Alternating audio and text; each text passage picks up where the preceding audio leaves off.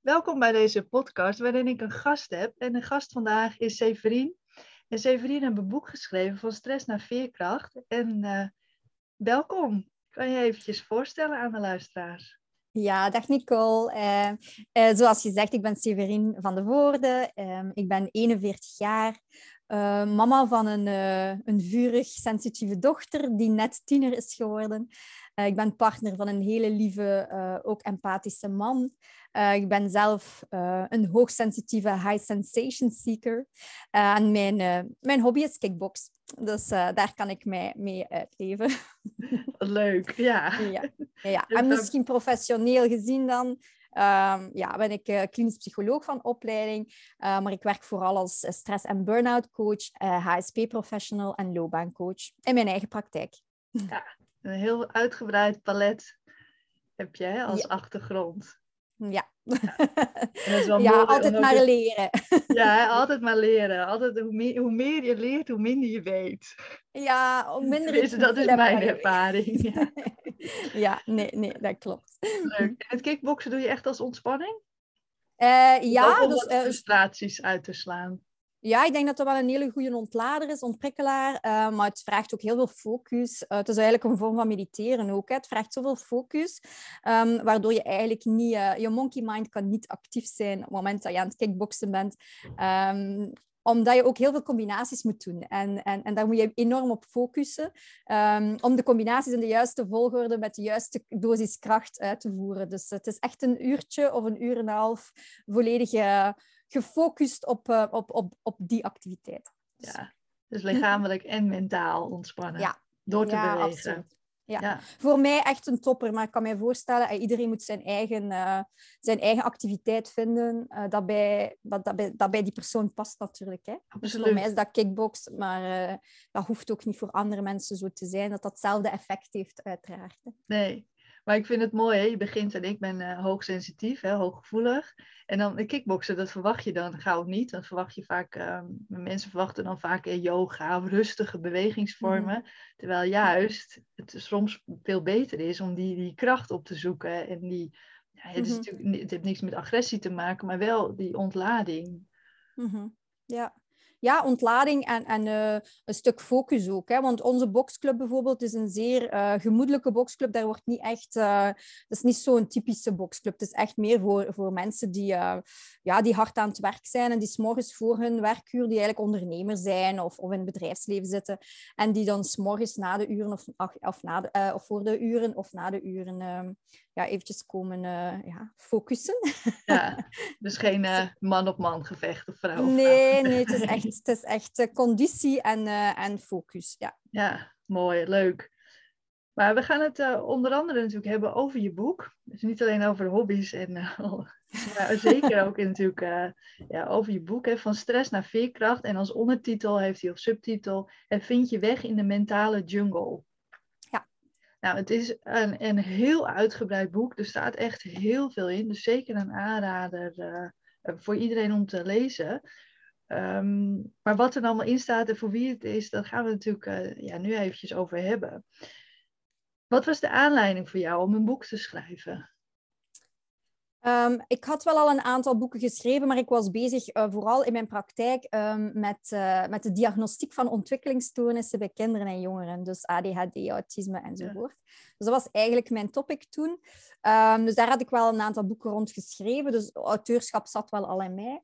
Maar uh, in 2016 heb ik dan uh, zelf een, uh, een burn-out gekregen. Dus dat was niet de materie waarmee ik bezig was. Dus dat overkwam mij. Veel mensen zeggen dan, ja, maar je bent psycholoog. Je had dat toch moeten zien aankomen. Ja. Um, maar dat is dus niet waar. Want als, dat, als je daar niet mee bezig bent, als je het stresssysteem niet kent en je weet niet wat een burn-out is, hè, want, want psychologen hebben zoveel verschillende topics waar ze kunnen werken. dat was mijn topic niet. Dus ik had dat helemaal niet door dat dat mij aan het overkomen was. Dus in 2016 heb ik dan um, een burn-out gehad en dan heb ik eigenlijk mijn loopbaan helemaal uh, omgedraaid. Dus dan ben ik zelf begonnen met, met uh, mijn informatie opzoeken van hoe kom ik hieruit, wat is dat hier eigenlijk. Ik ben uh, zeer analytisch ingesteld en ik hou van wetenschappelijk onderbouwde kennis. dus ik ben eigenlijk helemaal zelf gaan uitspitten in de eerste plaats om mijzelf en, en te begrijpen en om mijn traject te kunnen uitstippelen van oké, en hoe gaan we, hoe gaan we voorkomen dat dat, we, dat dat nog eens meemaken. Ehm, en ja, dan ben ik eigenlijk mij gaan omscholen. Ben ik andere mensen ook gaan coachen op vlak van uh, stress, burn-out en um, ja, energiebeheer, veerkracht. En ik had eigenlijk zo'n tof model ontwikkeld, een stappenplan in mijn praktijk, dat ik dacht van oké, ehm, dat zit zo goed in elkaar eigenlijk. Waarom moet ik kan ik dat niet delen met de wereld? En dan moeten mensen niet tot bij mij komen, want niet iedereen uh, kiest om, uh, om coaching te volgen. Net zoals ik. Ik ben nergens hulp gaan zoeken. Ik wou het zelf doen. En uh, ik denk, dat ik dat stappenplan dat ik zelf heb uitgewerkt gehad, um, ja, dan had dat mij inderdaad heel veel energie bespaard. Dus het is eigenlijk gewoon ja, een, een zeer empowerend boek. Um, ja, waar dat je, als je moeite hebt met energiebeheer, of als je het gevoel hebt van... Mm, ik loop misschien tegen een burn-out aan waar je heel veel handvaten, ja, tips, tools en tricks kan vinden. Um, maar het komt dus vanuit mijn eigen parcours.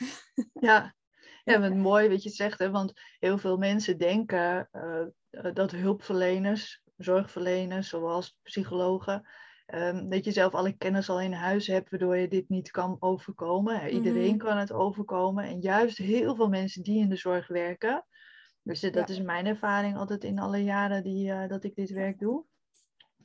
En, en ook hè, als psycholoog heb je heel veel verschillende ja, richtingen waar je op je kan werken. En niet iedere psycholoog weet goed wat een burn-out is. Mm Ja. Toch? Want krijg je dat niet in de, in de opleiding, ook niet in de basis? Um, toen ik, ik, ja, ik ben natuurlijk ik ben 41. Uh, eh, ondertussen zit dat er misschien wel al een stukje in, maar zeker niet voldoende. Want ik merk dat heel veel psychologen, heel veel coaches uh, mijn boek en ook allee, de cursus die erbij hoort, uh, gaan, gaan aankopen. Gewoon voor, niet alleen voor zichzelf, voor zelfzorg, maar zeker ook om um, psycho-educatie, om tools te hebben om uitleg te geven aan hun cliënten. Ja. Um, dus ja, ik merk dat, dat er is een heel stuk eh, coaches zelf, hè, dus mensen die zelf op zoek zijn naar hulp die het boek aanschaffen, maar heel veel coaches en therapeuten die het ook aanschaffen. Dus er is blijkbaar toch nog te weinig uh, rond gezien in de opleidingen. Ja. Of te weinig ook het totaalplaatje, denk ik. Ik denk dat daar ook, ook, ook vaak over gaat. Er zijn heel veel boeken geschreven over stress, uh, over veerkracht, deze methodiek. Uh, ik denk het verschil dat ik proberen maken heb, is om echt een overzichtelijk kader te, te scheppen, uh, waarin alle informatie over stress, veerkracht en alle methodieken die daarvoor worden ingezet, dat die eigenlijk allemaal um, heel overkoepelend in een plaatje geplaatst staan, Um, ik ga nergens zeer gedetailleerd in, maar het gaat echt over, kijk, dit is het. Dit is het totaalpakket, dat is het overzicht, zo komt alles samen. En dat is de feedback die ik eigenlijk ook wel krijg, dat de, de puzzelstukjes allemaal samen worden gebracht en dat dat zoveel overzicht en um, helderheid geeft. En dat was eigenlijk ook wel een, een groot stuk de bedoeling van, uh, van nog een boek over stress en veerkracht ja. te gaan schrijven. Ja, want er zijn heel veel boeken over geschreven. Dat, dat is natuurlijk gewoon zo. Maar mm-hmm. blijkbaar er is nog steeds heel veel behoefte van, aan goede informatie. Ja. En want ook heel veel uh, zorgverleners, waar je, waar je ook als, natuurlijk als doelgroep hebt, ja, die weten het nog steeds allemaal niet zo goed. En het is vaak een burn-out. Nou ja, dan moet je maar eventjes uh, stoppen met werken of even rust nemen. Mm-hmm. Maar soms zit dat stresssysteem natuurlijk gewoon zodanig van slag af, hè, dat je het niet redt met alleen eventjes rustig aandoen. En dat is natuurlijk gewoon ook heel erg belangrijk. Van wat, maar wat moet je dan uh, als andere dingen doen om dat stresssysteem te kunnen kalmeren? En dat is natuurlijk wat jij onder andere ook goed beschrijft in je boek. Mm. Ja, ja, die, dat lichamelijk stressbeheer als basis van veerkracht. Hè. Want ik heb daar ook, ik heb ook mijn eigen model ontwikkeld, het Diabolo-model van veerkracht, waarbij dat echt in het fundament uh, lichamelijk stressbeheer staat. Als je niet kan, zelf kan spelen met de gas en de rem van je stresssysteem, als je je eigen stresssignalen niet herkent, niet weet hoe je, hoe je jezelf weer kan kalmeren, en zeker als je bijvoorbeeld hoogsensitief bent of, op of, om, om een andere reden prikkelgevoelig of stressgevoelig bent, dan loopt je emmer zo uh, snel over dat je eigenlijk echt preventief doorheen je dag die, die rustpunten moet inbouwen om je stresshormoon af te voeren. En dat is iets wat dat echt in de praktijk nog ongelooflijk ontbreekt. Niet bij de ademcoaches enzovoort, want ik merk dat dat bij, bij de lichaamsgerichte benadering, eh, ja, gaat dat, ja, is dat ook uh, schering en inslag. Hè? Dat is basiskennis. Maar bij de psychologen, de therapeuten die vooral mentaal bezig zijn, psychologisch bezig zijn, daar is dat kennis die nog ontbreekt. Hè? Ze gaan aan mindset werken, overtuigingen overschrijven, patronen gaan overschrijven. Maar dat gaat niet als je energielevel uh, dat niet toelaat. Dat gaat niet als je constant overprikkeld rondloopt. Je brein kan dat gewoon niet, omdat het stuk van je brein dat je nodig hebt om die um, overtuigingen te overschrijven en um, om logisch te kunnen nadenken en optimistisch te zijn, dat stuk wordt buitenspel gezet bij chronische overprikkeling. En dat is wat ik in mijn boek ook uitleg. Ik leg ook heel het brein, de breinwerking van het stresssysteem uit, zodat je ook weet waarom um, dat je dat stressbeheer als basis moet, moet nemen doorheen je, je dagelijkse routines eigenlijk. En dat is iets wat ons echt in de praktijk nog zo onder, uh, ja, ja, ondergewaardeerd, niet gekend is gewoon ja. zelfs. Ja, en misschien dat ook uh, de wetenschap het nu pas begint uh, in te zien hoe belangrijk dat ook is. En want hmm. je hebt het steeds ook hè, over overprikkeling. Kan je vertellen wat dat is? Um, ik neem de term overprikkeling is voor mij eigenlijk synoniem met, um, met negatieve stress. Hè? Want in, in, in mijn model, uh, ik heb een stresslevelcurve gemaakt ook met de verschillende levels waarin ons stresssysteem kan geactiveerd worden, waarbij dat je onderprikkeling hebt onderaan, hè? dus te weinig prikkels, waardoor je niet actief kan zijn, waardoor je loom bent. En zo stijg je in je stresslevel totdat je eigenlijk in drive komt, hè? waar je heel veel energie kan mobiliseren om tot actie over te gaan. Dus je gaspedaal is goed, hè? want dat, dat zorgt ervoor dat je, dat je kan verder doen, dat je actie kan ondernemen. Maar als je nog een level hoger komt, hè, als er te veel prikkels zijn, of die eh, houden te lang aan, of het is een zeer intense stressor, een zeer intense prikkel, uh, dan kom je in de zone van de negatieve stress. En dat is wat ik overprikkeling noem, om een beetje het onderscheid te maken tussen positieve en negatieve stress. Omdat stress in de praktijk nog altijd gelijk wordt gesteld aan iets dat zeer negatief is, maar dat is niet zo. Stress uh, is zowel positief als negatief. Um, je hebt echt stress nodig, adrenaline nodig, stresshormoon nodig om tot prestaties te komen. Hè. Mensen die in flow zijn, die in de zone zitten, dat is het stresssysteem dat geactiveerd is. Maar dat mag niet langdurig zijn en dat mag niet te intens geactiveerd worden. En dan kom je in die zone van overprikkeling, waarin er te veel prikkels zijn, waar er te veel uh, adrenaline is, te veel stresshormoon. En daar kan je niet meer logisch nadenken en niet meer... Um, ja, relativeren en de dingen in perspectief plaatsen. Daar krijg je angsten, daar krijg je depressieve gevoelens, daar zit ook de hyperventilatie. Hè? Ja, ja. Ah, dat, is, en dat is dus niet die, die kortdurende overprikkeling, hè, maar het gaat echt om die langdurende, uh, te hoog stress, waardoor je daardoor mm overprikkeld wordt. Hè, want vaak bij overprikkeling denken we, um, het, hè, zoals, zoals ik, ik was gisteren even naar de IKEA, ik was vergeten dat het hier vakantie is, mm. dus middags. ja, ja, en toen ging ik terug en toen was het spits. Nou ja, het was dus heel druk op, in, op de weg, echt... Uh, en, en, toen kwam ik thuis en toen voelde ik me echt heel erg overprikkeld. Ja, want dat, is de acute vorm. Dat is de ja, dat is, we zijn al, al twee jaar natuurlijk bijna, vanwege corona kom je heel weinig in, in prikkelrijke omgevingen. Dus opeens dan in die IKEA, en het was al middag, waardoor ik dan vaker al lager in mijn energie zit. En, en het was gewoon heel druk. En dan ook nog heel druk op in, in de auto terug, weet je, met, met rijden, waar je heel erg op moet letten. Ja, dat is echt die kortdurende overprikkeling. Ja. En ja, dat, uh, ja, Maar dan is het ook dan belangrijk om eventjes op de rem te drukken. Hè? Om eventjes gas terug te nemen en eventjes je rust te pakken. En maar waar jij over schrijft, waar jij het vooral over hebt, is dus die langdurende overprikkeling. Dus bijvoorbeeld uh, steeds maar zorgen voor iemand in, uh, in je omgeving. Of een, een baan hebben die hm.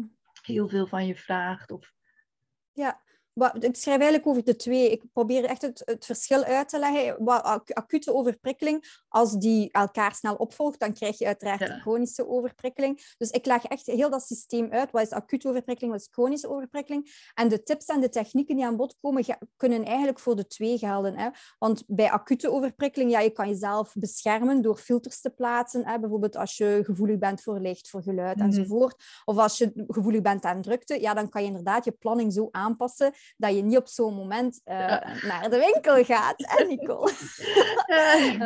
normaal doe ik dat dus ook niet. Maar ik dacht dus, als middags is normaal heel rustig. maar niet in de vakantieperiode. Snap ik. Ja, nee, inderdaad. Dus dat, je, je, kan, je kan de tips die erin staan gelden voor uh, acuut en chronisch. Dus ook, uh, ja, hoe bescherm je jezelf tegen acute overprikkeling? Wat kan je doen als je weet dat je overprikkeld gaat geraken door iets? Want dat is natuurlijk, we kunnen niet alles vermijden. Dus als je weet van, oké, dit is een situatie die me gaat overprikkelen, ik ga thuiskomen, ik ga moe, uitgeput zijn, energieloos. Um, wat kan ik dan doen om mijn stresssysteem te gaan herstellen en die rust te geven die het nodig heeft? Ja. Um, dus dat is, ja, daar staan ook allemaal methodieken en uh, filosofieën over in. Ja. Ja, want het is ook niet altijd per definitie zo dat rust de juiste oplossing is hè, om te gaan liggen op de bank. Want soms is het gewoon heel goed om wat anders te gaan doen. En dat is ook vaak een misverstand wat ik tegenkom, dat we denken, ja, ontspannen is een ontspanningsoefening doen. Mm Of eventjes een middagdutje doen. Maar dat is ook niet altijd zo. Hè. Soms is het juist goed om te gaan kickboksen of een rondje te gaan wandelen of, of te gaan knutselen.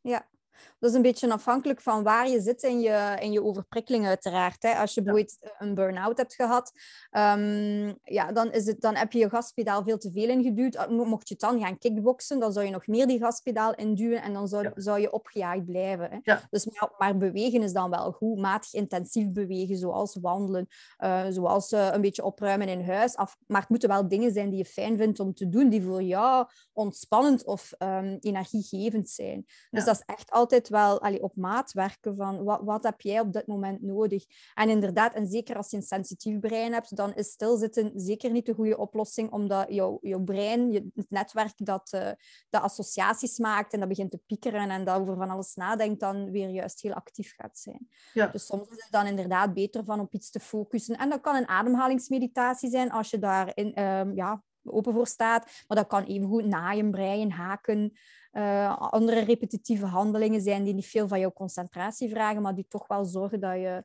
op iets moet focussen en dat je daarmee bezig bent. Ja, dus je handen ja. dan bezig zijn, dan houdt je brein ja. meestal wat meer zijn mond. Ja.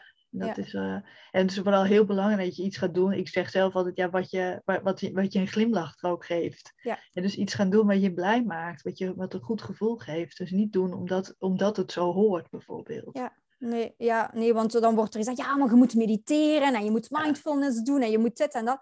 Uh, dat is allemaal heel goed, maar je moet goed onthouden, wat is het doel daarvan? Ja. En is de weg daar naartoe dan mindfulness voor mij?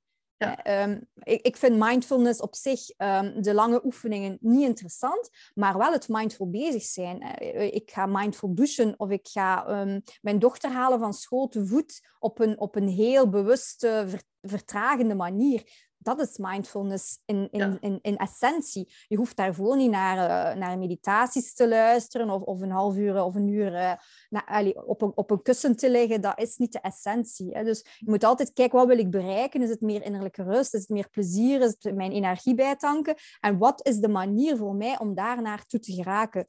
Um, en ja, dat is waar dat ik probeer zoveel mogelijk input te geven. En ik zeg dan maar, oké, okay, kies, probeer dingen uit en kijk welk, welk van die methodieken voor jou het effect heeft waar we naartoe willen gaan. Ja, ja, ja dat is wel belangrijk, hè, om te kijken naar wat, wat heb jij nodig. Dat is ook Ja. gewoon zelf gaan kijken, van, hoe- maar erachter gaan komen, wat, wat gaat er eigenlijk mis? Hè? Want dat is eerst de basis om te gaan kijken van, maar waar, waar ben ik nou over mijn grenzen heen gegaan? Wat zorgt nou ervoor dat ik zo overprikkeld ben? Ja. En dan pas weet je ook wat je kan doen om te zorgen dat je weer eh, ja, lager in die prikkels komt, Mhm. in, Ja. in het stresssysteem. Ja. Ja, ik probeer met, met, met, eh, met cliënten, maar ook allee, via mijn boek is dat natuurlijk... Ja, ik, ik denk dat het allemaal zeer helder is. maar, maar, maar mensen lezen soms niet zoals dat jij het bedoelt. Dus ik merk dat, dat er toch nog wat extra nodig is. Hè, zoals bijvoorbeeld in, in een aantal filmpjes dingen uitleggen enzovoort. Uh, maar wat ik het belangrijkste vind, is dat je jouw triggers herkent. Dus de dingen die voor jou um, een reactie uitlokken in je stresssysteem. En dus emotie tot dat gevolg hebben. Je eigen stresssignalen. Wat toont mijn lichaam? Van, uh, wa- hoe toont mijn lichaam aan mij dat ik aan het stijgen ben in mijn stresslevel? En dan, hoe, wat zijn voor mij de ideale manieren om dat stresslevel te kalmeren? Dus dan heb je eigenlijk drie uh, poten, drie pilaren waar je informatie over jezelf moet gaan verzamelen. Het probleem is dat veel mensen die um, chronisch hyperventileren of andere klachten hebben, hè, van chronische stress, van chronische overprikkeling, dat die het contact met hun lichaam eigenlijk helemaal verloren zijn. Dat die niet meer um, weten welke signalen hun lichaam geven en dat dat dan stresssignalen zijn. Als ik met mensen zo de stresssignalen overloop, dan schrikken ze altijd. Amai, zijn dat allemaal signalen van overprikkeling van een, van een overbelast stresssysteem? En dan, ja, dan zijn ze toch wel eventjes uh, zwaar onder de indruk. Maar dat is belangrijk natuurlijk, hè, dat je dat weer te pakken kan krijgen. Ja, mensen hebben dan eigenlijk niet geluisterd naar die, die zachte signalen van hun lichaam. Die zeggen, hé, hey, maar nu gaat het niet goed. Daar ben je maar doorheen gegaan, overheen gegaan. Mm. En vaak zeg je tegen jezelf, kom op, even doorbijten, even doorgaan, want dan hebben we weekend, dan heb ik vakantie. En waardoor je lichaam op een gegeven moment zo hard aan het schreeuwen is, met paniek, uh, aanvallen, mhm. met hyper, acute hyperventilatie of met alle lichamelijke klachten, waardoor het eigenlijk al, ben je al zo ver, dat het, ja, dat, je, dat het eigenlijk al bijna tussen aanhalingstekens natuurlijk te laat is. Hè? Want dan mhm. zit je al zo hoog in je stress. We moeten natuurlijk gaan leren luisteren naar die zachtere signalen die al eerder komen, die, die zachte alarmbellen. Ja. Heb je voorbeelden van wat, uh, wat voor signalen je lichaam kan geven in die, in de lichtere fase? In die lichtere fase, ja. Wat voor signalen zijn er? Ja, um, gedachten die sneller gaan, uh, sneller beginnen praten, veel zuchten. Um, ja, je focus verliezen, dat je niet meer, dat je van het een naar het andere begint te hollen. Vaak ook beginnen, um, beginnen ja, uh, friemelen of met de benen tikken. Vaak zijn dat dingen die de partner dan wel opmerkt van, uh, in, in het gedrag. Um, ja, warmer worden. Hè? Dus, uh, ik, ik heb dat sowieso ook in drive. Hè? Nu dat wij aan het praten zijn met elkaar, hè, um, is, ja, begint mijn, mijn, mijn gezicht heel rood te kleuren. En dat is bij mij een signaal van drive. Maar dat is eigenlijk ook mijn stresssysteem. Hè? Dus dat is een, een level onder spanning, is een level onder overprikkeling. Dus eigenlijk moet je je signalen van drive ook al heel goed kennen, omdat je dan weet uh, ik moet even ook vanuit mijn drive, vanuit mijn flow rust gaan nemen. Want dat is het risico natuurlijk, dat je ook al bij je aan het amuseren en het is superleuk en uh, je adrenaline raast door je lichaam, wat de stof, dat je niet de nodige rust neemt, waardoor je op een gegeven moment ook kan stijgen naar een hoger level en dan nog moeilijk tot rust kan komen, hè, terug je stresssysteem kan kalmeren. Maar dat zijn wat lichtere signalen um, ja, van, uh, van stress. Maar bij iedereen is dat ook weer anders. Uh, dus ja, het is belangrijk om, alle, om een lijst te zoeken met allemaal mogelijke stresssignalen en jezelf eens te observeren. Of, wat dat doe ik ook heel vaak, is de partner inschakelen. Omdat je heel vaak bij jezelf de dingen niet meer door hebt. Hè? En je partner kan dan zeggen, oh, je bent hoog aan het ademen. Of uh, je zit met je vuisten gebald. Um, of je, je bent weer snel aan het praten. Ja, je zit te zuchten, je, je hapt naar lucht. Dat moet ik heel vaak, in mijn praktijk ook zeggen. Hè? Dat ik mensen zie babbelen en dat ik dan zeg, oei, je bent heel hoog aan het ademen, weet je dat? Um, of uh, je bent een, uh, een trein, hè? je ratelt maar door. Dat zijn, ja, dat zijn dingen waar je soms hulp uh, nodig hebt van iemand die mee observeert. Hè? Dus ik, ik raad altijd aan om een buddy in te schakelen die mee kan, uh, kan in kaart brengen wat jouw verschillende stadia zijn. Uh, van, van, um, waarin jouw lichaam signaleert dat je stresshormoon aan het opbouwen bent in je emmertje. Ja, ja want wat je zegt, het is ook niet altijd slecht. Kijk, zoals dit gesprek, jij zegt het is voor het eerst dat ik in een podcast kom. Nou, dat vinden we dat altijd allemaal spannend. En wij zijn ook gewoon mensen, hè. En dus dat zorgt ervoor dat toch het stresssysteem een beetje ja, aangewakkerd wordt. Prima, want ook leuke dingen kosten energie. Ook in, en, uh, en, en, praten over iets waar je heel gepassioneerd over bent, dat kost ook gewoon energie. En dat zet toch dat stresssysteem aan. En dat is helemaal niet slecht als je daarna maar zorgt dat het weer naar beneden gaat. Ja. ja en wat doe jij dan bijvoorbeeld?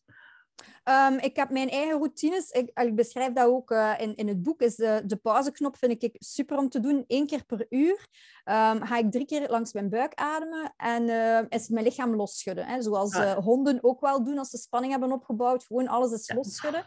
Ja, voilà. Echt heel kort een keer Hans het lichaam schudden. En dat doe ik eigenlijk één keer per uur. Um, Zet je dan een alarm of zit het gewoon zo al ingebakken in je systeem? Je kan dat met een alarm doen als ik dat in het begin mezelf heb aangeleerd. Hè, want uh, mensen die altijd maar doorgaan, de drivers zoals ik zelf ook was, die, hebben, uh, ja, die blijven doorgaan. Die, die gaan niet om het uur uh, ja, pauze nemen of gelijk wat. Dus ik moest mij, mijzelf dat eigenlijk wel aanleren. En wat ik gedaan heb, is eigenlijk um, één, mezelf verplichten om één beker water per uur te drinken, zodat ik minstens één keer per uur naar het toilet moest gaan. Oh, ja. En op de muur van mijn toilet hangt er een uh, grote smiley uh, die heel, heel hard opvinkt. En dat was mijn, mijn, mijn pauzeknop. Dus als ik op het toilet zat en ik zag die, dan was voor mij, mij de cue, ah, oké, eventjes ademen, eens losschudden en dan een korte bodyscan wat heb ik hier nu nodig? Voel ik spanning ergens? Hoe zit het met mijn schouders? Hoe zit het met mijn stresslevel? Um, echt gewoon weer leren om, om de tijd te nemen om te ontprikkelen en om stil te staan bij wat geeft mijn lichaam aan. Ja. En dat is iets wat ik blijven doen ben. En nu heb ik die pauzeknop niet meer nodig, dus die smiley op mijn toilet die doet er niet meer toe. Ik doe dat automatisch nu. Dat is eigenlijk een gewoontepatroon geworden. Ja. Maar in het begin kost dat heel veel energie hè, om dat aan te leren. Aan jezelf een nieuw patroon ontwikkelen kost heel veel reminders en heel veel Maar het inspanning is, in het het is gewoon nodig. Ja, absoluut. En dat is ook uh, wat, waardoor ja, vaak kost het mensen heel veel moeite. Ja, maar ik vergeet het, ik denk er niet aan. Je zal in het begin jezelf toch moeten dwingen, hè, zacht en liefdevol dwingen, om dat te gaan doen. Om die, die pauzeknop in te drukken, om die rust te pakken. Want anders verandert het niet. Ja. En ik vind het wel een mooi voorbeeld wat je geeft, want dat kost heel weinig tijd. Ja. Ik eventjes drie keer gewoon rustig ademen naar je buik, even rechtop zitten en eventjes al de spanning losschudden. Of eventjes voelen van hoe, hoe gaat het nou met me? Nou, hoeveel minuutjes zal je kwijt zijn? Eén, twee? Ja, maar drie, als je naar het toilet gaat, misschien, misschien Ja. ook zo'n vijf. Maar, Ja. dan nog, de winst die je daaruit haalt, is fenomenaal gewoon. Oh, alleen al het opstaan om naar de wc toe te lopen, ben je weer even in beweging. Ja. Ja, als je dan meteen je armen even los eh, schudt en, en ja, dan heb je ja, dat momentje. Plus water drinken is zo ontzettend belangrijk. Mhm. Dat is ook al gewoon, eh, ook, ook al winst. Ja, dit is Ja. gewoon een heel simpel, makkelijk voorbeeld. En op een gegeven moment wordt dat zo'n gewoonte. Ja, dat, dat, al niet meer, dat je dat alarm niet hoeft te zetten. En dat, het al, Ja. dat je het gewoon ook veel eerder gaat merken dat je ehm, te veel stress en spanning opbouwt. dat Dat je merkt, hé, bedoeling. mijn schouders zitten wel heel erg hoog. Op het moment dat je eventjes dat losschudden doet. Dat je, oh, er zit wel heel veel spanning in. Waardoor je misschien toch eerder een langere pauze neemt. Of eventjes eerder stopt. Of andere werkzaamheden gaat doen. Het begint met kleine stapjes natuurlijk, hè, en die, dat bewustzijn. Maar, maar daarin vind ik het zo belangrijk dat mensen ook weten waarom. Hè, die kennis van hoe werkt dat stresssysteem? Waarom is dat zo belangrijk om die pauzeknop in te duwen? Als, ik, allee, ik, ik ben ook maar beginnen mijn buikademhaling doen en die pauzeknop gebruiken, omdat ik eh, besefte hoe belangrijk dat, dat wetenschappelijk lichamelijk gericht was. Ja, dus Ja. hoe dat je lichaam in elkaar zit en hoe, hoe, hoe- ja, hoe het allemaal in elkaar zit, wetenschappelijk gezien. Het is maar toen ik dat heel goed besefte en wist, dat ik ook besefte hoe belangrijk het was om het te doen. Eh, en dus niet zomaar weer een techniekje dat je moet gaan toepassen. Nee, ik weet nu echt waarom het zo essentieel is Ja. om te kunnen overleven in zo'n prikkelvolle wereld, zo'n snel veranderende keuze, vol, allee, met- vol met keuze. Het is eigenlijk echt een, een heel hectische wereld. Ons stresssysteem is niet afgestemd op deze maatschappij. en dat is wat ik die niet, mentale jungle ook noem. Hè. Ja, Eh, wij, ja, wij leven eigenlijk in een jungle zoals vroeger, maar nu vol mentale prikkels, mentale tijgers. Ehm, en ons stresssysteem kan dat eigenlijk niet verwerken. Dus wij moeten echt wel anders omgaan met de wereld en niet meer eh, ja. zomaar eh, de speelbal daarvan zijn. nee, want er is gewoon heel veel. Er gebeurt gewoon heel erg veel. Ja. En, en ja, da- daar zijn we gewoon nog niet zo goed op, eh, op, op doorontwikkeld. Nee. Daarom is het gewoon heel belangrijk dat, we, dat, dat, we, dat wij onszelf aangepassen. Want de wereld gaat niet veranderen. Maar het gaat wel om hoe je zelf erin gaat staan. En je zal toch Ja. moeten gaan veranderen op het moment dat je burn-out-achtige klachten hebt. Of Mhm. hyperventilatie. Of merkt dat je heel onrustig voelt. Mhm. En, hoe, ja. Ja. en, en het hoeft niet zoiets uh, groots te zijn. Dat je zegt allemaal techniekjes. Het zijn gewoon vaak hele kleine aanpassingen die je kunt doen. Die ervoor zorgen dat je je toch beter gaat voelen. En zoals Ja. alleen al water drinken heeft heel veel gezondheidswinst. Ja, als je hoort hoeveel mensen ik altijd spreek die onvoldoende water drinken. Dan denk je, ja, maar het zorgt er wel voor dat je die afvalstoffen kwijtkomt. Dat je, vaak als je veel hoofdpijn hebt of veel spierpijn hebt, ja, is het echt essentieel dat je genoeg water drinkt. Ja. En heb jij het nog als voordeel hè, dat je het ook nog gebruikt omdat je dan even naar de toilet moet lopen. naar de wc Ja. Dat is alles in elkaar, want dan beweeg je, pak je pauze. eh, en wat je in het toilet ook kan doen, is nog je handen onder de kraan steken. Als je echt super overprikkeld bent, eh, handen onder de kraan eh, en dan in je nek leggen. Hè, dan koel je super snel af. Dan, Ja, dan, dan ga je super... Ja, Of dat gewoon is echt... sowieso even je polsen onder de kraan is gewoon heel erg fijn. Dat je ook eventjes afkoelt. En ehm, mhm. wat ik vaak vind, hè, we moeten eigenlijk wat meer strekken met onze rug, ons wat langer maken. Ja, raak dan ook hangt van je lengte af. Hè? Dat je even de bovenkant van de, eh, de deurpost aanraakt. En waardoor je eventjes die strekking hebt, waardoor Ja. je even je rug lang maakt, wat ook gewoon heel fijn is. Ja, ja. En dat zijn kleine gewoontepatroontjes hè, die, je, Ja. allee, ja, die je gewoon heel vlot doorheen je dag kan verweven. Want mensen denken dikwijls, oh ja, nu moet ik per uur een, een uur gaan uittrekken aan zelfzorg en ik heb daar geen tijd voor. Nee, het zit juist in doorweven in je Ja. dag. Dat is de bedoeling. Dat je opstaat en een klein momentje neemt en dan om het uur hè, ehm, die prikkelpauze eventjes neemt. Smiddags een kleine pitstop eventueel van 10 minuutjes, dat je pff, een keer eh, je energie bijtankt. Het zijn echt allemaal van die kleine dingen. Of je stapt van de ene kamer naar de andere en je schudt je benen ondertussen uit. Ja. Of je staat ergens te wachten en je doet je stretchoefeningen. Er zijn zoveel momenten waar dat je eigenlijk ofwel op je gsm gaat gaan zitten, ofwel die niet... ah, Ja, dat je denkt ja, dat je kan invullen met, met zelfzorg, met, met, met een ademhalingsoefening, met even gewoon eh, mindfulness te doen of een stretchoefening. Ja, het is... Ja, eh, mensen denken vaak te groot, te moeilijk. Terwijl ja, het juist nee. ook heel veel kleine dingetjes zijn die je, die je ook kunt Ja. veranderen. Wat veel Ja. makkelijker vol te houden is en wat veel Mhm. eerder een gewoonte wordt. En ik heb geen tijd om eh ademhalingsoefeningen te doen. Sowieso is dat natuurlijk relatief, hè? want geen tijd, geen tijd is. eh, ja? Maar je, je kan ook heel veel van die korte momentjes even wachten totdat. ehm, stel dat je gaat water koken voor thee, dat je even wacht totdat het theewater kookt. Ja, ga dan even staan en zet even je voeten goed op de grond. Als je aan het koken bent en je bent in de pan aan het roeren, nou, doe dat dan mindful. Of ga even goed Mhm. staan. Of, weet je, dat zijn van die momenten die, die je toch al verloren hebt, zeg maar, om die dan te Mhm. gebruiken.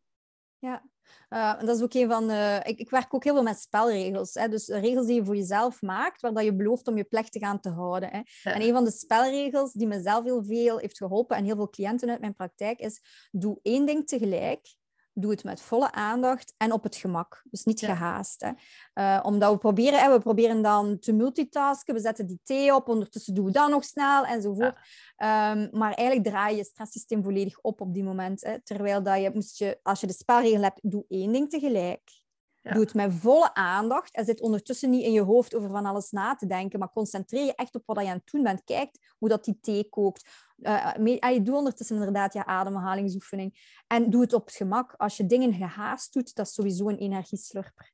Ja. Dus, En ehm, vaak is ja. het ook veel efficiënter en dus sneller eh, op het moment dat je één ding tegelijk doet. Want vaak, oh, waar was ik ook weer mee bezig? Ja. En oh, we worden heel onrustig en, en dan, ja, Ja. dan gebeurt Ja. het vaak toch nog niet goed. Nee, nee, nee, een wetenschappelijk onderzoek heeft dat ook aangetoond. Hè, dat als je, als je twee Ja. taken dus parallel doet, zogezegd, hè, of, of wisselend, dat, dat je eh, veel meer tijd nodig hebt, dan moest je de Ja. twee taken gewoon achter elkaar zetten. Dat is ook een oefening die ik heel vaak in mijn praktijk doe. Er is gewoon een heel toffe oefening om dat aan te tonen. En mensen schrikken daarvan. "Ah, als bij zo'n oefening mijn tijd al zo lang, zoveel Ja. verlengt, eh, door ze door elkaar te doen in plaats van achter elkaar of Ja. na elkaar. Hè. Eh, wat is dat dan niet met, eh, met, de meer, allee, met de nog zwaardere taken? Dus Ja. dat zijn wel... We denken zijn- vaak, vooral, dat, dat, er zijn onbekend dat vrouwen wel meerdere dingen tegelijk kunnen doen en mannen dan niet. Hè? Dat is zo'n oud zienswijze. Dat klopt gewoon niet. We zijn er gewoon helemaal niet zo goed in. Veel minder goed in dan, dan we denken dat we zijn. Mhm. Ja, ja, ja. En, en sommige mensen zijn daar inderdaad wel goed in, maar de energie die het kost, hè, als je Ja, ziet welke energieverlies, ja, voilà. En de- wat is de winst dan? Hè? Je mag dan nog tijdswinst hebben, maar als je energie op is, wat ben je dan met je tijd? Ja. En die energie is zo belangrijk, want die Ja. hebben we gewoon nodig om goed te kunnen functioneren. Ja, absoluut. Ja. Ja, nee. Heb ik er tijd voor en heb ik er energie voor? Dat is een heel belangrijke vraag die ik heel vaak Ja. stel. Zeker. Hey, en we hebben het nu over overprikkeling gehad. Ehm, ik vind onderprikkeling ook altijd iets heel interessants. En daar hoor je eigenlijk niet zoveel over. Terwijl onderprikkeling ook voor heel Mhm. veel klachten kan zorgen. Kan je uitleggen wat dat is? Eh, onderprikkeling als er te weinig uitdaging is. Maar voor een stuk heeft dat ook te maken dan eh, als je een batterij hebt eigenlijk. Hè. Een batterij, je energielevel hè, blijft eh, goed vol als er evenveel energie binnenkomt dan dat er buiten komt. Hè. En wat dat we dan zien bij overprikkeling is dat er heel veel energie buiten gaat. Hè. En dat daar het probleem zit van de lege batterij. Maar bij onderprikkeling gaat er misschien niet zoveel energie buiten, maar er komt ook bijna niks binnen, omdat er niks uitdaging, je wordt niet uitgedaagd, het is routine, het is saai, het, is, ja, het, het, het geeft niet, er zijn niet genoeg leuke dingen waar dat je mee bezighoudt. En zo loopt je batterij evenzeer leeg. Hè. Ja. Dus eigenlijk onderprikkeling is dat je te weinig dingen doet die jou uitdagen, eh, die jou activeren, ehm, dat jouw systeem eigenlijk niet in actie komt. Eh, en dat zie je heel vaak. Ja, onderprikkeling zie je natuurlijk als chronische toestand bij mensen die in een burn-out zitten. Hè. Dus je stresssysteem is helemaal in de hoogte ingegaan, crasht. En dan word je naar beneden gecatapulteerd en zit je eigenlijk in die onderprikkeling chronisch, omdat jouw systeem zo overbelast is geraakt dat er geen actie meer mogelijk is. Eigenlijk, ze noemen dat uh, hypocortisolisme. Dus er is te weinig cortisol in je systeem nog over om nog in actie te kunnen komen. Dus dat zie je bij depressie, bij burn-out, bij, uh, ja, bij andere um, energieproblemen. Maar dat zie je dus ook uh, tijdelijk. Um, niet bij, eh, bij een burn-out maar bij mensen die bijvoorbeeld hoogbegaafd zijn of meer begaafd zijn, of uh, high sensation seekers zijn, of uh, die gewoon een, een, werk doen of in een levensomstandigheden bevinden waar ze te weinig dingen doen die hen energie geven, die hen plezieren, die hen activeren. En dat is onderprikkeling, dat is even energievretend als overprikkeling. Ja, maar we denken vaak aan overprikkeling. Hè? Die onderprikkeling is heel, veel minder belicht, wordt dat altijd. Ja. dus inderdaad, eigenlijk als je eh, weinig leuke dingen doet. Maar vaak kan het ook zijn dat je gewoon zo moe bent dat je geen zin hebt om bijvoorbeeld met vriendinnen af te spreken. Of mhm. uit eten te gaan. Of een, een concert te gaan. Of eventjes boodschappen te doen. Maar toch heb je dat dan nodig. En vooral nieuwe prikkels. En ik heb gemerkt dat we in, in die coronaperiode, vooral in het begin, bleven we heel veel binnen. Mhm. En toen kwamen, ja, op een gegeven moment word je maar vermoeider en vermoeider. Maar omdat je heel veel prikkels miste. En mhm. dat uh, juist die leuke prikkels. En die moet je heel bewust op gaan zoeken. Ja.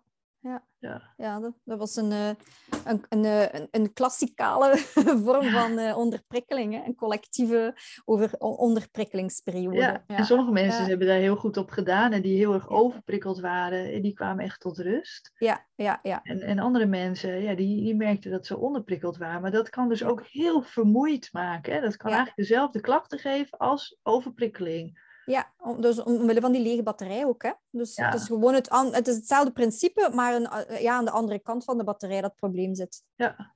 Ja. Ja, want het wordt vaak, hè, dus op het moment dat je dan die klacht hebt gezegd, hey, dan moet je even rust gaan nemen, mm -hmm. niks gaan doen, en je agenda leeghalen. Maar dat is dus heel wisselend, want sommige mensen hebben het dus wel nodig om die leuke dingen te blijven uh, doen. En het gaat heel erg om die balans, hè, waar we het al eerder over hadden natuurlijk. Dat je moet gaan kijken, maar waardoor is mijn batterij leeggelopen en wat kan ik eraan doen om te zorgen dat die uh, ja. weer vol raakt. Ja, absoluut. Zelfkennis is echt de basis van verandering. Hè? Ja, moet eerst kennis en inzicht hebben in hoe dat je systeem werkt en wat, dat, wat dat je nodig hebt om te kunnen veranderen. Ja, tuurlijk. Ja. ja. ik, ik adviseer dan altijd om een tijdje een dagboek bij te houden. Doe jij dat mhm. ook? Of heb jij andere manieren om uh, dat inzicht te krijgen? Uh, ja, verschillende registratieopdrachten. Hè. Enerzijds, wat kost en geeft energie is denk ik een belangrijk inzicht voor mensen. Een stresssignaal is een belangrijke registratieopdracht. Uh, uh, ook rond lastige emoties. Wanneer voel je je overprikkeld? Wanneer voel je je gespannen? Wanneer vliegt je ruiter van je paard? Hè? Wanneer ontplof je? In welke situaties is dat om de rode draad te pakken te krijgen? En dat kun je, kan je inderdaad alleen doen door jezelf te observeren of ehm, een buddy in te schakelen die mee observeert gedurende ja, een week of, of misschien een keer je kan eens een weekend observeren, je kan eens een volle week observeren. Ja, nee, registreren is, uh, is heel belangrijk om, uh, om die info te pakken te krijgen. Hè. Dat je voelt van wat gebeurt er in mijn lichaam en wat voor signalen krijg ik wanneer ik overprikkeld raak of over onderprikkeld. Maar voor de meeste mensen gaat het nog steeds over overprikkeling hoor, die, uh, die zullen luisteren. Ja.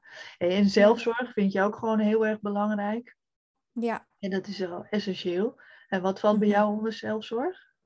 Zelfzorg is voor mij heel breed. Zelfzorg is voor mij een levensstijl. Hè. Dat is op basis van zelfkennis, weten wat je nodig hebt, waar je grenzen liggen, uh, wat, welke lichamelijke signaal je hebt. Um, actie ondernemen. Hè. Zowel preventief, hè, door, door regelmatig rust in te bouwen, door te weten wat je overprikkelt en daar dan bescherming voor in te bouwen. Maar ook reactief, hè, als je voelt van oké, ja, ik voel mijn stresssignalen, het respect hebben voor jezelf om dan uh, de stekker er even uit te trekken en niet door te blijven doen.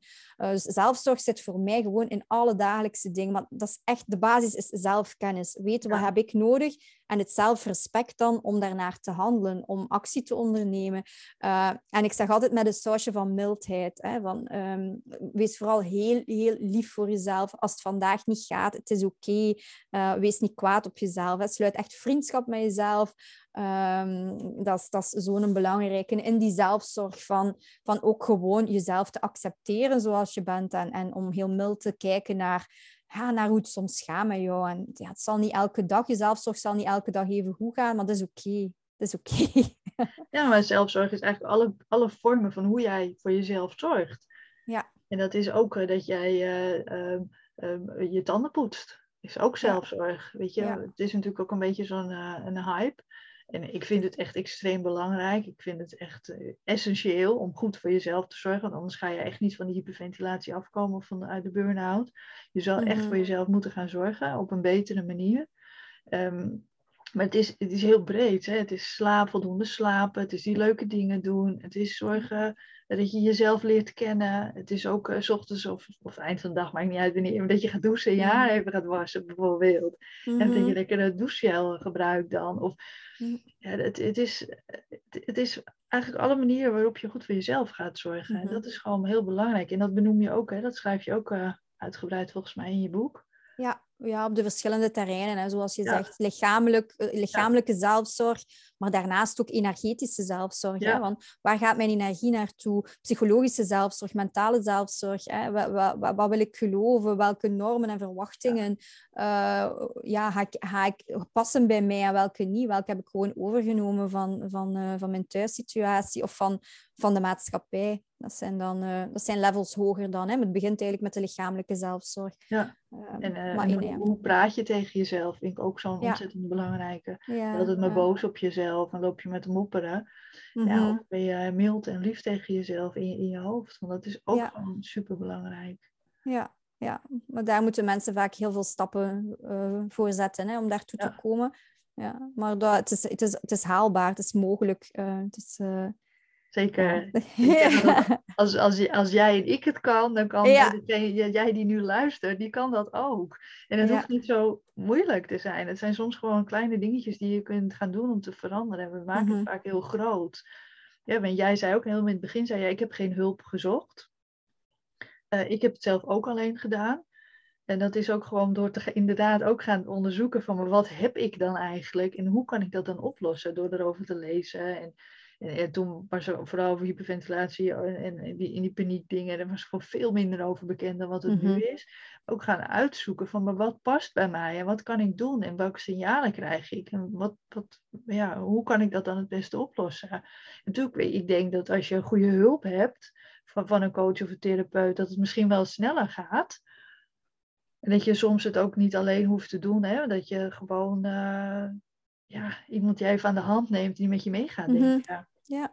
Maar als je dat, wil, dan is dat ook oké. want dan kan, je, mhm. dan kan je het gerust zelf door een boek of een online cursus bijvoorbeeld voor die extra ondersteuning. Mm ja, je moet ook, ook dat moet weer bij jou passen. Hè? Ik ben iemand die heel graag de dingen zelf begrijpt. Ik ga alles eh, zelf door, doorspartelen. Om, ik, ja. maar andere mensen willen liever voorgekoude, heldere inzichten. Dus, dus ik denk dat je moet doen wat dat vooral bij jou past natuurlijk. Hè? En hele kleine stapjes. Hè? Wat ik zelf merkte in mijn hersteltraject, was dat in het begin zo lastig was. Ah, er was zoveel te veranderen. Ik was zo kwaad op mezelf en heel kritisch en heel hoge lat en pleasen. En ah, heel het pakketje, hè? perfectionisme, pleasing. Uh, wat, uh, echt niet meer weten wie ben ik, wat wil ik. Uh, lege midden noem ik dat.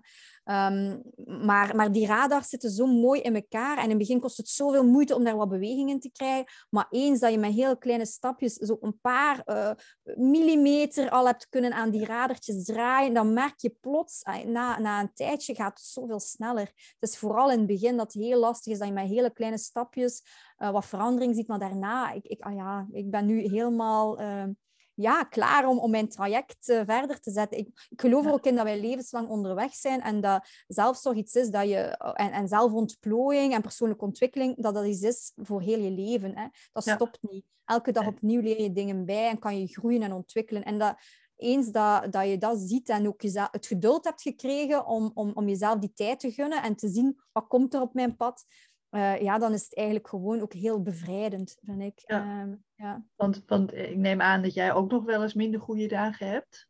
Ja, absoluut. Ja, dat is ook zo ja. een, een, ja, misverstand. Dat mensen denken, ja, maar weet je, het gaat nu goed. Dus het gaat voor, voor altijd gaat het goed.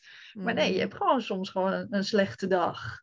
Ja, of misschien zelfs wel een slechte week. Dat je mhm. gewoon echt even niet lekker in je vel zit. En dat je klachten gewoon bij, ja, weer terugkomen. En niet zo erg als dat het was. Maar dat je gewoon eventjes een terugval hebt. En dat hoort er ook bij. Dat hoort er ook bij, maar hoe, hoe, beter dat je jezelf kent en je signalen herkent, hoe sneller inderdaad dat je te pakken krijgt en hoe minder lang dat het duurt. Ja. En ook weer die saus van mildheid van oké, het zal een kakdag zijn vandaag. Ik zeg je dat dat... Ja, vandaag zal het, uh, zal het een baaldagje zijn, maar het is oké. Laat het allemaal ja, ja, want voor wat het, is. En, hm. ja, dat herstel is geen rechte lijn omhoog. Hè? Het is een hele hobbelige weg. En soms dan uh, val je weer eventjes terug naar beneden en dan, dan kletter je weer omhoog.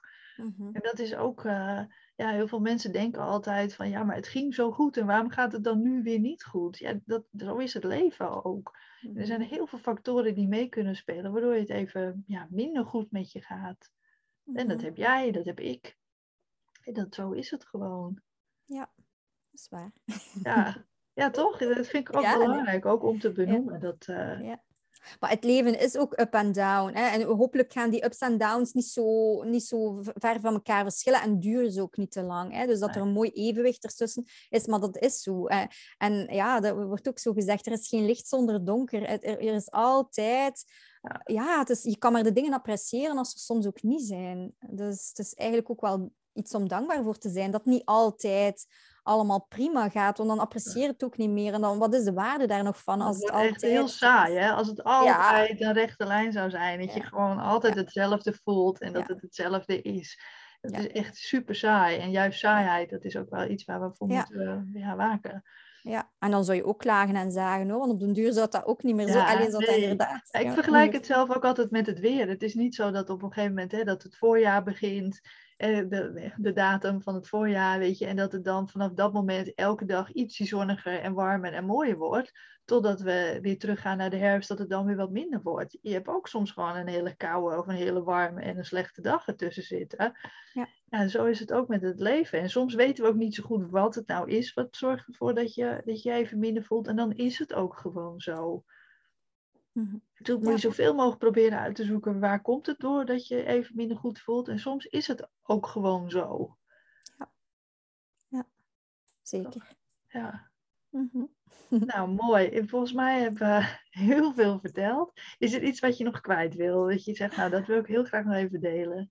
Oh, nee, ik denk dat we het over heel, heel diverse zaken hebben gehad. Um, nee, ik heb niks, uh, niks toe te voegen, Nicole. Nee, nee, volgens mij is het ook echt heel uitgebreid al. Ik hoop ook uh, dat, uh, dat mensen er echt heel veel aan hebben. Um, het boek van, uh, van Severin kan je ja, via alle boekwinkels kopen in Nederland en in België. We hebben natuurlijk gehoord dat, dat zij natuurlijk niet uit Nederland komt zoals ik, maar uit, uit België.